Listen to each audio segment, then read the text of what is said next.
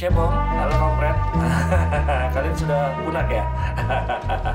Iya iya iya. Dua dua konotasi ini yang ini sering banget kita dengar ya di terutama di pilpres dan pileg kemarin. Walaupun pada akhirnya dua dua istilah ini secara resmi sudah dihapuskan karena pertemuan dari eh, Pak Jokowi dan Pak Prabowo kemarin. Jadi istilah-istilah itu sudah nggak ada.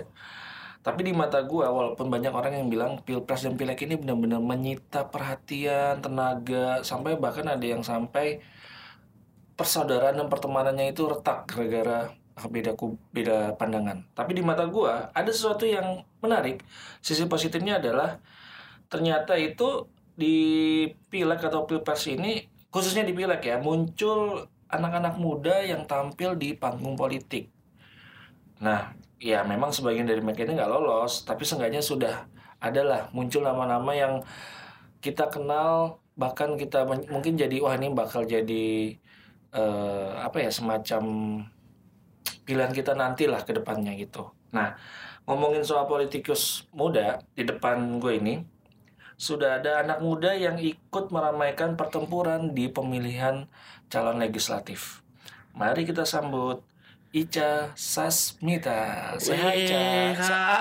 Assalamualaikum. Assalamualaikum Waalaikumsalam Mas Tio. Apa, kabar, Gila. Ca? Baik baik alhamdulillah ini gila ya bahasanya pertempuran terus retak terus seru banget ya. Iya kan, karena kan kita tahu, Cak, itu tadi Hmm. selain istilah eh, cebong dan ngampret Iya, tadi, iya. itu di di apalagi di WhatsApp grup di Facebook itu kan ada tuh saling apa saling eh, ya saling mem- membenarkan pilihannya masing-masing Iya gitu ada yang kan. saling blok ya kan. bahkan sampai sa- blok dan keluar dari grup ya Iya bener-bener live group kayak gitu terus di add lagi lab lagi udah capek kan kasihan sekarang, adminnya bener. sekarang udah nggak ada cak cebong ngampret nggak ada semuanya udah Udah ada sekarang persatuan Indonesia Persatuan ya. Indonesia. Cak, Hmm. ngomongin tadi eh, sempat di mention di awal kalau Ica ini maju di pemilihan calon Iya legislatif. aku kemarin di DPRD Provinsi Jabar. Jabar. Tapi namanya dipanjangin jadi ada Asef Rosyadi Ica Sasmita itu kepanjangan Oh. kan. Karena ternyata ada aturan nggak boleh ada singkatan-singkatan kan nggak boleh ada Hmm. singkatan tadinya kan nama populernya Ica Sasmita aja. Eh ternyata harus ada nama lakinya di depan. Oh, harus ada nama lakinya. harus ada nama lakinya. Oh. Kemarin dapil aku tuh dapil kota dan kabupaten Tasik. Jadi dua Hmm. kalau dulu tiga sekarang karena eh, dipersempit jadi hanya dua tapi lebih enak. Maksudnya Hmm. lebih bisa apa ya?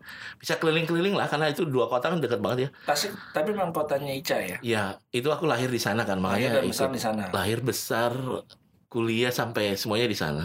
Nah, Walaupun lahir dan besar di sana, tapi ini ada nih satu pertanyaan yang Hmm. cukup mengganjal. Dan teman-teman dekatnya Ica, termasuk aku sendiri juga bingung kali. Ica ini kan udah jadi MC, Mm-mm. Udah lumayan lah terkenal lah Eh, udah settle lah istilahnya Iya. kok tiba-tiba kalau aku bilang sih tiba-tiba Iya. tiba-tiba Ica maju ke eh, dunia politik itu gimana ceritanya itu tuh ya sebenarnya berat banget loh mas coba aku bayangin sudah di eh, comfort zone ya di zona Oh. nyaman udah nge-MC udah duit datang terus Hmm. segala macam terus tiba-tiba kok harus nyala gini juga pertanyaan yang banyak banget eh, secara pribadi atau di media sosial atau banyak yang eh, dia bilang kenapa sih lo maju caleg? Ngapain sih ngapain? Ngabur-ngaburin duit? Gitu. Betul. Itu karena permintaan ibu saya aja. Permintaan ibu. Ya ibu karena apa pun yang dimi- yang diminta oleh ibu Iya. saya nggak pernah nolak gitu Betul. aja. Mungkin ibu pemikirannya dasarnya ibu itu adalah pertama udah masa di Jakarta terus sih? Kapan ngebangun Tasik? Gitu. Hmm. Eh, terus karena memang sayanya keluarganya ada keluarga politik nih politis Oh, gitu. Jadi gitu. masa kenapa sih turun aja? Emang sekarang udah waktunya turun gitu. Awalnya juga nanya gimana kalau nggak jadi? Ya udah nggak apa-apa itu hitung belajar aja. Kan Hmm. tidak harus pertama masuk langsung jadi kan tidak ada gitu. Hmm. itu mas Tio sebenarnya Jadi kalau karena ibu ya? karena ibu Cailah sih anak mama banget ya nggak apa-apa orang tua iya benar berkah tapi tapi kan tetap ya maksudnya eh, Ica kan tadi yang seperti gue bilang Hmm, tidak atau belum pernah eh, cemplung di dunia politik. Nah, Iya. gimana kok prosesnya bisa terdaftar di eh, calon legislatif itu? nah awalnya juga sempat bingung mikir, lah gue kan bukan orang politik. Nah, itu Terus tiba-tiba harus terjun ke politik. Betul. Tapi Tuhan tuh selalu ngasih jalan Oh. bagi mereka yang mau mencari ya Ah, jalannya. Dan dilalanya dicari dulu, ini partainya apa dulu ya? ah, Karena basicnya di Tasik itu Muslim. mhm, Jadi di- dicari ini apa partainya yang Muslimnya kuat apa ya? hmm. P3 ternyata. Oh, di situ Aku kantong, kantong. Kantongnya P3 Oke. waktu itu karena bupatinya, wali kotanya itu P3 termasuk Pak UU yang sekarang jadi wabub wag- itu. wagib. Oh. Nah dilalahnya setelah dicari-cari, Hmm. ketua P3 DPC-nya itu adalah teman SMA aku. Oh, ketua DPC. Ketua namanya ada Cecep Nur Yakin itu Ah. teman SMA. Oke. Aku nyari ini kok ada Cecep Nur Yakin kayak kenal gitu. Saya sampai ke rumahnya segala Oh, macam. oh. Dan itu teman SMA, teman eh, gokil-gokilan Oh, bareng. teman udah teman akrab lah teman ya. akrab walaupun Hmm. beda SMA tapi itu satu Ah, ah. SMA akhirnya ya udah daftar aja Daftar sama dia daftar oke. aja sama dia oke banget dia juga kaget loh yakin mau di politik gitu Oh. aku bilang sudahlah sekalian nurut orang tua sekalian mencoba dunia politik kayak apa sih Oke. gitu mesti Tapi itu di eh, P3 ya. Mm-mm. Nah, berarti Ica ada prosesnya nggak? Harus jadi kader dulu, harus atau ada malah harus ada sumbangan dulu buat partainya kayak gitu nah sih? jadi gini tahun ini nih pemilunya emang luar biasa unik luar biasa unik. dan mungkin ini juga ngasih jalan buat aku ya ada hal-hal kemudahan Hmm. pertama bahwa di partai politik sekarang itu kan ada dikasih terutama di partaiku itu Hmm. ada porsi ada bagi pengurus partai Mhm. terus eh, orang-orang dari tokoh-tokoh masyarakat Tokoh masyarakat. dan satu lagi newcomer siapa pun boleh masuk Oh. jadi nggak perlu syarat kita harus anggota dulu atau apa Oh, oh. tapi di KPU mensyaratkan bahwa yang caleg itu harus Oh. jadi anggota partai dulu Ah. makanya bikin KTA dulu KTA-nya dulu. Ya, walaupun tidak harus ya waktu itu Oh, karena ya udah kamu orang baru masuk aja gitu. Oh, jadi Ica itu eh, diterima sama partai itu Mm-mm. karena adalah posisinya bagian newcomer. Newcomers itu Oke. karena ada porsi beberapa kan ada berapa persennya gitu. Setelah bikin KTA, Mm-mm. apalagi tuh yang diurus untuk menjadi Setelah bikin KTA Caleg. datang ke rumah sakit, oh itu ngurus BPJS ya namanya. Enggak, setelah bikin KTA ya sudah aku daftar aja eh, ada beberapa persyaratan karena misalnya yang kayak syarat ijazah apa segala macam Oh, kayak oke, gitu aja sih mas. Administrasi ya. Ya administrasi dan Terus? nggak nggak pernah diminta uang. Oh, sama partainya. Nggak, nggak ada. Ada seleksi nggak untuk ini kan pasti yang pengen ikut menjadi caleg itu kan Iya banyak banget. banyak. Nah, ada Tapi seleksinya entah- nggak? waktu itu sih memang sehari sebelum eh, penetapan dari partai Mhm. memang diwawancara Oh, ada, ada beberapa tokoh test gitu ya benar-benar Eh, ada beberapa tokoh P3 yang nanya ini ini, ini. ya udah dan ada banyak yang gugur juga Banyak yang gugur. Nah, Ica salah satu yang salah satu yang beruntung lolos. alhamdulillah pokoknya Alhamdulillah. Nah, oke berarti administrasi diurus Ya. dari ada fit and proper test dari Mm-mm. partainya sendiri. Kemudian ada tuh namanya nomor urut. ya Nah, itu kita yang menentukan dalam tanda kutip atau partai yang punya kuasa. nomor urut itu biasanya partai yang punya kuasa ya Hmm. Jadi- tapi ini lagi-lagi kemudahan ya Kemudian Nggak- lagi-lagi mungkin jadi itu harus tuh ibu. Iya bener. Jadi waktu itu eh ketuanya ini sahabat aku yang SMA ini Hmm. nomornya nomor 4 dulu dia karena jadi anggota DPRD provinsi Oh, oke. tahun ini Ah, dia nggak ikut karena jadi nomornya ke saya kan karena dia akan Oh. ikut pilkada bupati di Tasik di 2020 nanti oh ikut maju. ya Hmm. jadi dia nggak ikut di DPRD provinsi Oh, jadi, jadi nom- kasih aja nomor empatnya dikasih Nomor aja. empatnya. Tapi idealnya itu memang semuanya ditentukan oleh idealnya itu memang ditentukan oleh partai Oke. Iya, maksudnya nomor urutnya. Tapi sekarang nomor urut kayak nggak ngaruh deh. Kenapa? Karena sekarang kan bukan soal nomor urut yang dipilih orangnya. Kalau misalnya aku misalnya ditaruh di nomor 8 aja, Mhm. tapi yang nyoblosnya banyak, Oh, kan bisa menang. Bisa menang. Iya. Ada potensi bisa menang ya. Ada potensi bisa menang walaupun memang ada mitos selama ini kalau nomor satu, nomor dua itu kan nomor-nomor jadi ya, gitu Hmm. itu. Karena orang misalnya tahu partainya, Mm-mm. tapi nggak tahu nama calegnya. Jadi Iya. pilih nomor satu, eh nomor eh, coblos partainya, coblos aja nomor satu. Iya itu aja. Itu. I- itu juga ada mitos kayak gitu bener. Tapi sekarang Enggak orang ya? kayaknya lebih cenderung lebih me- melek politik jadi lebih siapa sih yang harus gue pilih gitu itu orang nggak lebih tahu lagi. Nah, salah satunya pasti sosialisasi kan. Mm-mm. Nah, Ica tentu turun ke bawah lah dari Jakarta ke Tasik lagi turun ke bawah sosialisasi nomornya bukan nomor yang nomor jadi lah Iya, tadi benar. bilangnya. itu kan berarti ada proses buat sosialisasi gimana ada pengalaman atau awal mulanya gimana Ini benar itu ya? kata Pak Jokowi dan Prabowo ya. Ah, Ini pemilu yang paling melelahkan karena bayangin ya Mas, ah. kita harus sosialisasi. Saya aja ngabisin waktu hampir 9 bulan. sembilan bulan sejak 9 bulan ditetapkan. sejak ditetapkan itu harus mondar mandir sana kemari sebelumnya ke mana ke mana ke mana ke mana gitu jadi ya memang menguras tenaga banget dan energi dan juga kantong ya karena semua di eh, biaya bukan tidak dibiayai oleh eh, partai iya ya. karena itu biaya sendiri kan Oh. kalau aku sih biaya sendiri nggak tahu kalau yang lainnya kalau aku biaya sendiri terus kita kan ketemu orang juga nyediain snacknya mau ketemu sosialisasi juga kadang ada orang perlu bensinnya apa segala hal kayak gitu kan juga perlu dipikirkan ya bener-bener untungnya Hmm. nggak bangkrut kan malah tambah gede ini badannya Tapi Ica gimana sih memetakan untuk aku harus ke apa ya kan kecamatan ini Hmm. karena karena di situ eh, dulu partai ini kantong suaranya besar atau Hmm. gimana sih untuk menentukan ya 9 bulan itu satu Tasikmalaya diputerin atau jadi eh, Mas Tio eh, untuk hal ini kita bikin tim ya dibentuk tim jadi kita ada tim sukses. ada tim sukses Eh, aku kumpulin lebih banyak sih dari keluarga terus mhm. kita petakan di mana sih sebenarnya eh, kantong-kantong suara dari partaiku ini. Aku Hmm. juga coba research terus Hmm. juga nanya ke partai dan banyak banget. Jadi nggak semua daerah di Tasik itu didatangin karena kalaupun kita datang ya sekedar silaturahmi aja nggak dapat suara. Hmm. Karena kan ada memang satu daerah yang kayak nggak mungkin pindah dari lain hati gitu. Mhm. Ya udah kalau partainya A ya A aja terus, gitu. oh. Dan itu susah banget. Banyak banget hal-hal gitu yang ditemuin oleh misalnya kader yang baru kayak aku terus Hmm. datang ke semua daerah, Hmm. energinya habis, Hmm. uangnya habis, Hmm. terus waktu juga habis. Hmm. Ternyata nggak dapat hasil apa-apa. Buktinya hanya adalah salah satu TPS yang aku coba, ya udah datang aja deh ke TPS itu gitu. Mhm. Dan itu suaranya hanya dua apa tiga gitu. Itu karena di dapilku tuh orang udah tetap aja kalau milih partai A ya partai A orang mau guncang dunia juga tetap aja. Iya benar. tapi nggak satu kali dua kali kan untuk eh, apa yang namanya untuk sosialisasi ke satu wilayah atau tempat Iya itu, karena harus berulang sih beberapa kali. Apalagi jelang-jelang pencoblosan ya. pencoblosan ya. Kita harus nge-repeat lagi, ngulang lagi daerah mana daerah mana yang yang kayaknya ini daerah harus didatangi lagi ya gitu. Oh. Karena suaranya lumayan besar.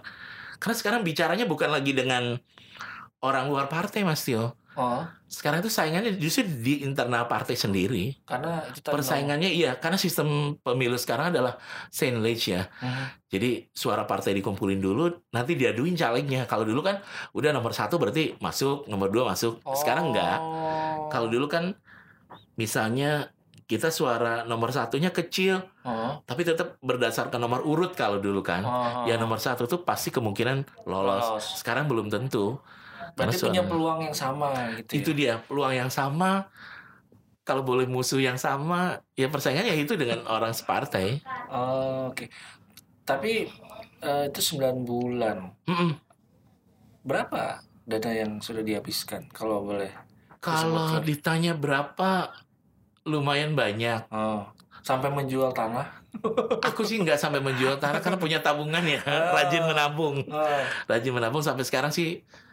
Alhamdulillah nggak bangkrut dan dananya kan harus diaudit. Oh. Yang kita keluarkan itu sama kalau enggak ya bisa Tapi untuk ukuran Ica itu lum- lumayan dong, Ca.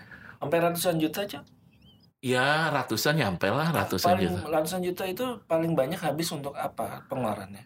Pengeluarannya itu lebih banyak eh, hal-hal konsumtif ya, Konsumtif? Kayak- ah, transportasi, Oke. konsumsi. Terus ah, yang paling banyak itu buat baliho, baliho. terus juga kaos kayak gitu kan itu lumayan banyak tapi alhamdulillahnya aku juga banyak yang nyumbang nyumbang dalam artian ya udah gue bantu bikinin ini deh stikernya Hmm. ya udah gue bantu bikinin eh, misalnya pin atau apa gitu Atau setengah harga gitu kali ya? ya ada yang diskon ya udah diskon deh tapi bayar ke gue gitu.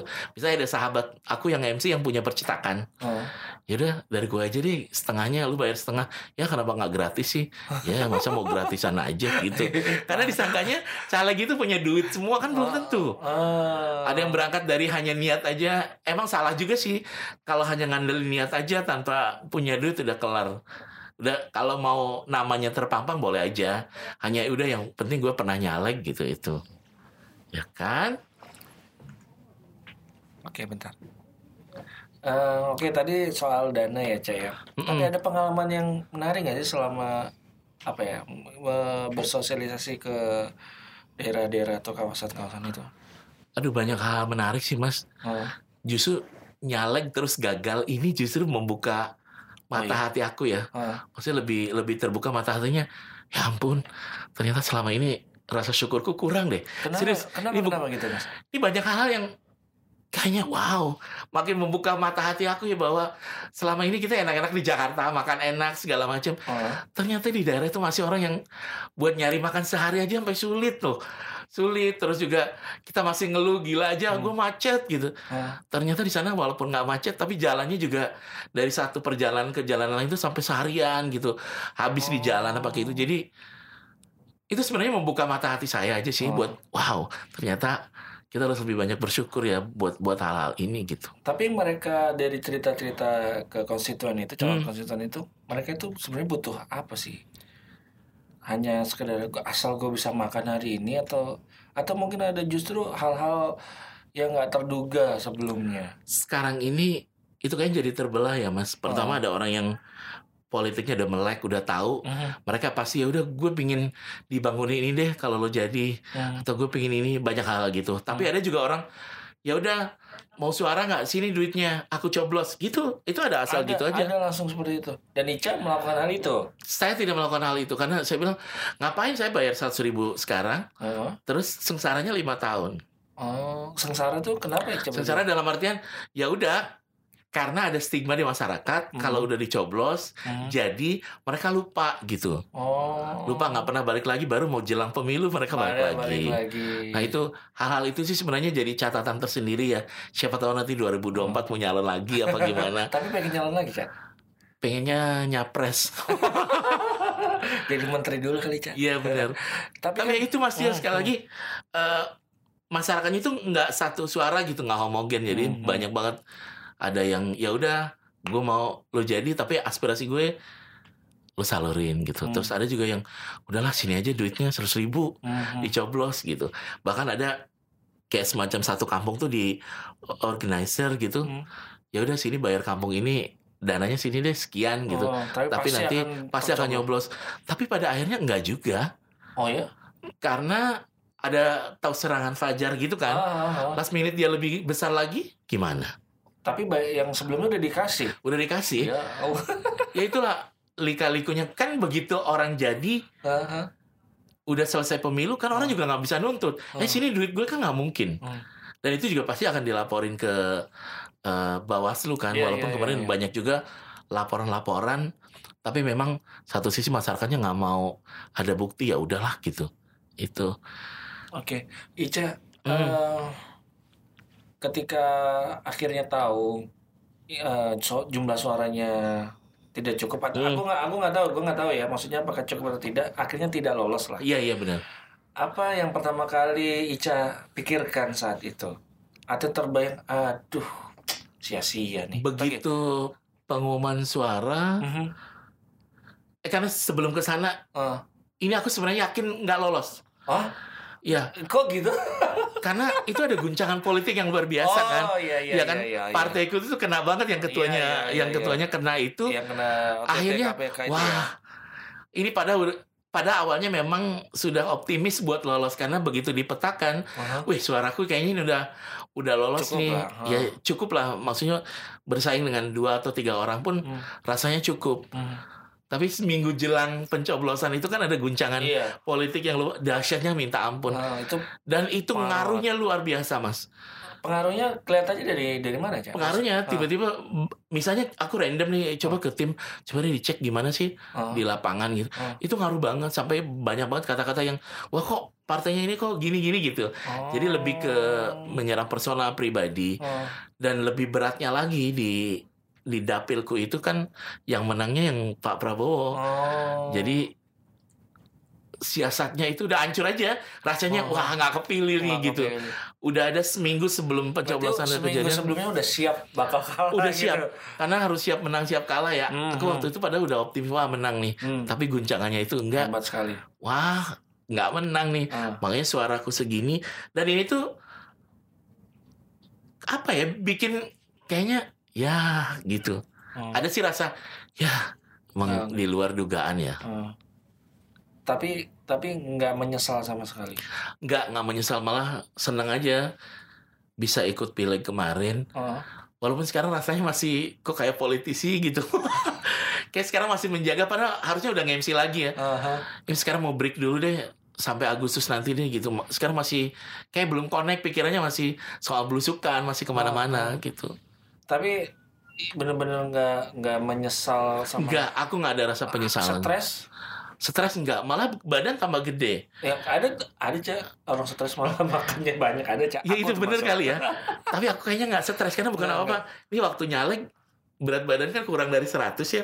Tapi Setelah kan nyalek baru duit- duit 100. yang dikeluarkan kan eh, nggak akan kembali dalam waktu singkat. Atau mungkin itu mungkin duit yang ah, udah disiapkan untuk sesuatu hal yang di masa depan gitu Hmm, atau gimana?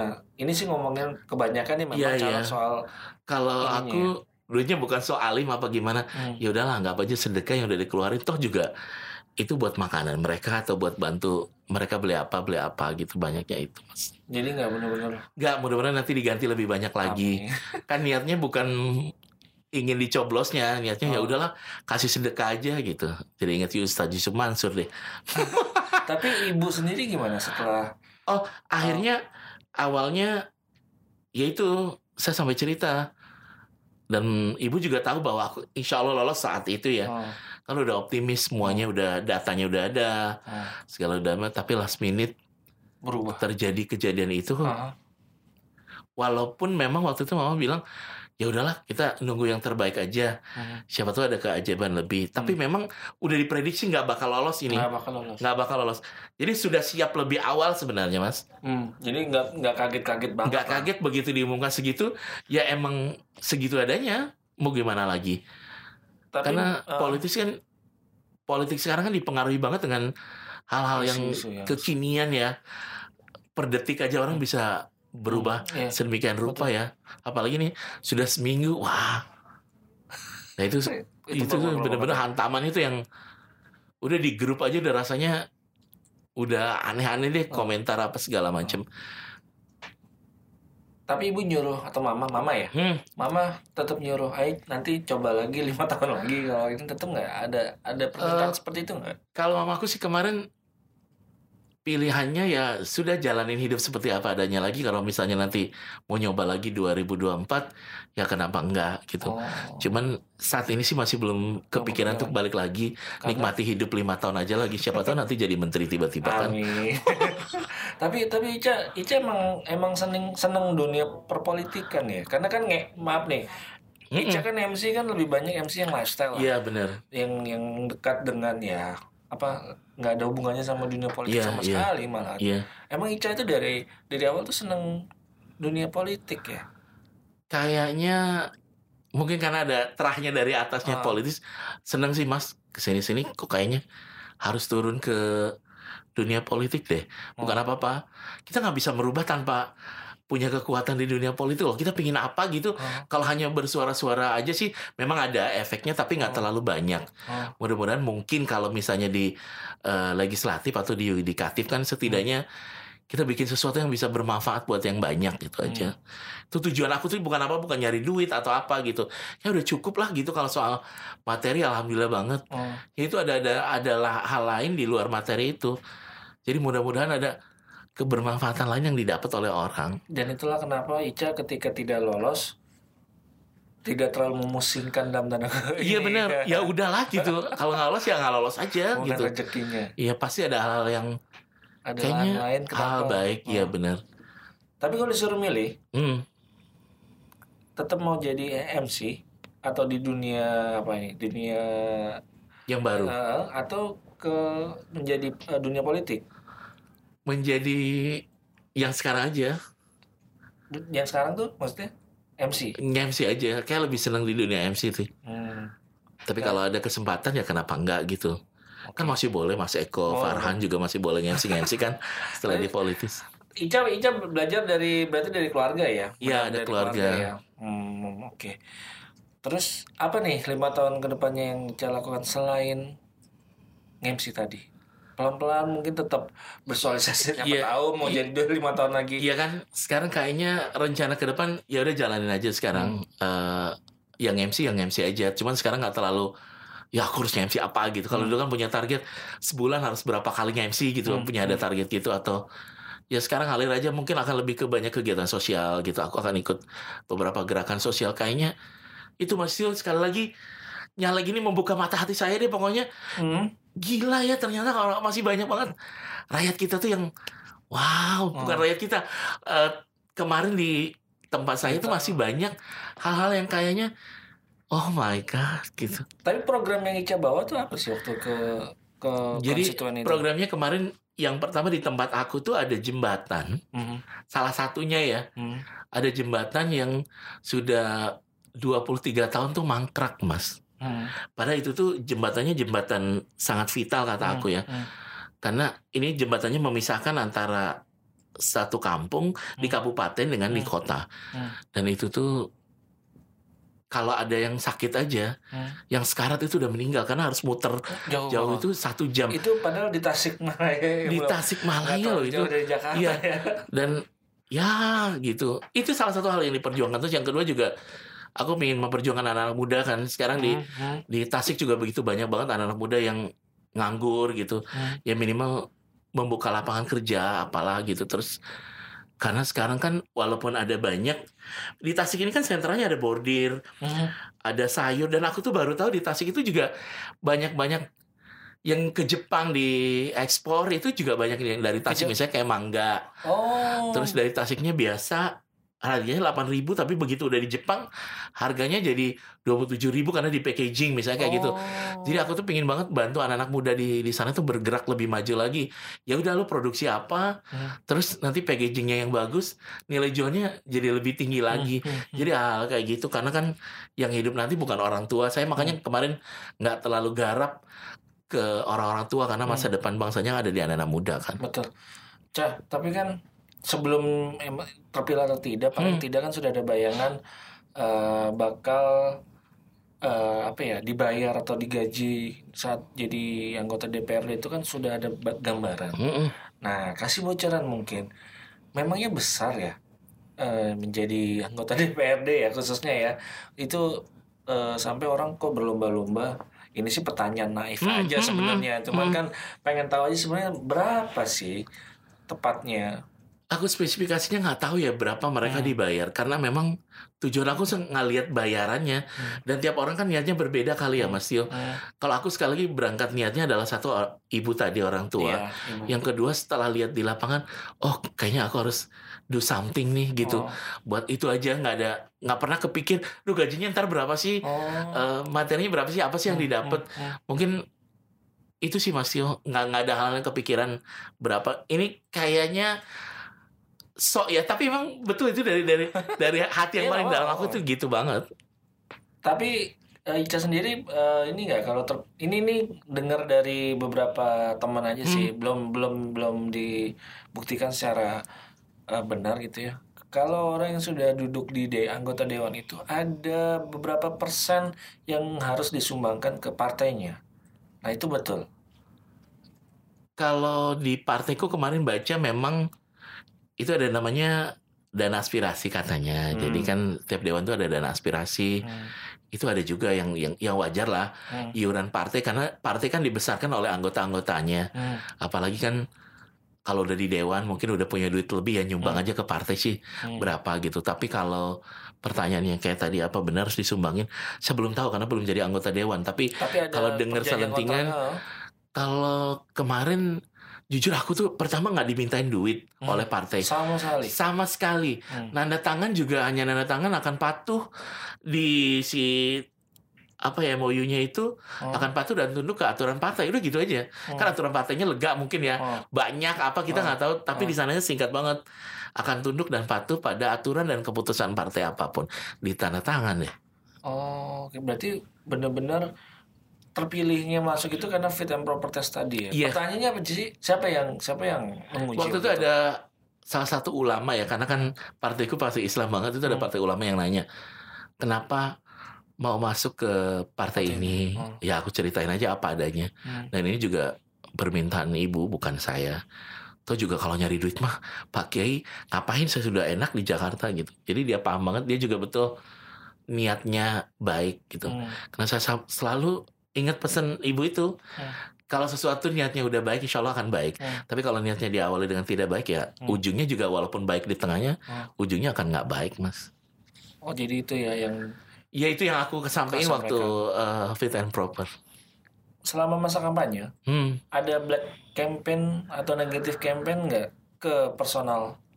eh, alhamdulillahnya enggak ya Oh enggak. enggak walaupun di medsos atau di apa kayaknya enggak ya Oh. Walaupun orang tahu kali ya Hmm. aku gerakannya udah kemayu udah apa tapi enggak tapi orang-orang ya udah kayaknya sekarang orang malah cenderung di daerah itu lebih pintar dalam artian memilih dan memilahnya ya mas Tio. Oh, jadi gitu. ya udah yang penting tujuan politiknya apa Heeh. nggak lihat fisik, atau Fisik apa atau- gitu orang nggak pernah bilang eh kamu enggak programnya apa? ya itu lebih ke program nggak orang nggak ke fisik Oh, atau jadi nggak ada sama sekali black nggak ada sama- selama setahun lewat ini ya lancar-lancar aja Oke. Ica terakhir, hmm. eh, anak muda perlu nggak sih masuk lebih serius ke dunia perpolitikan?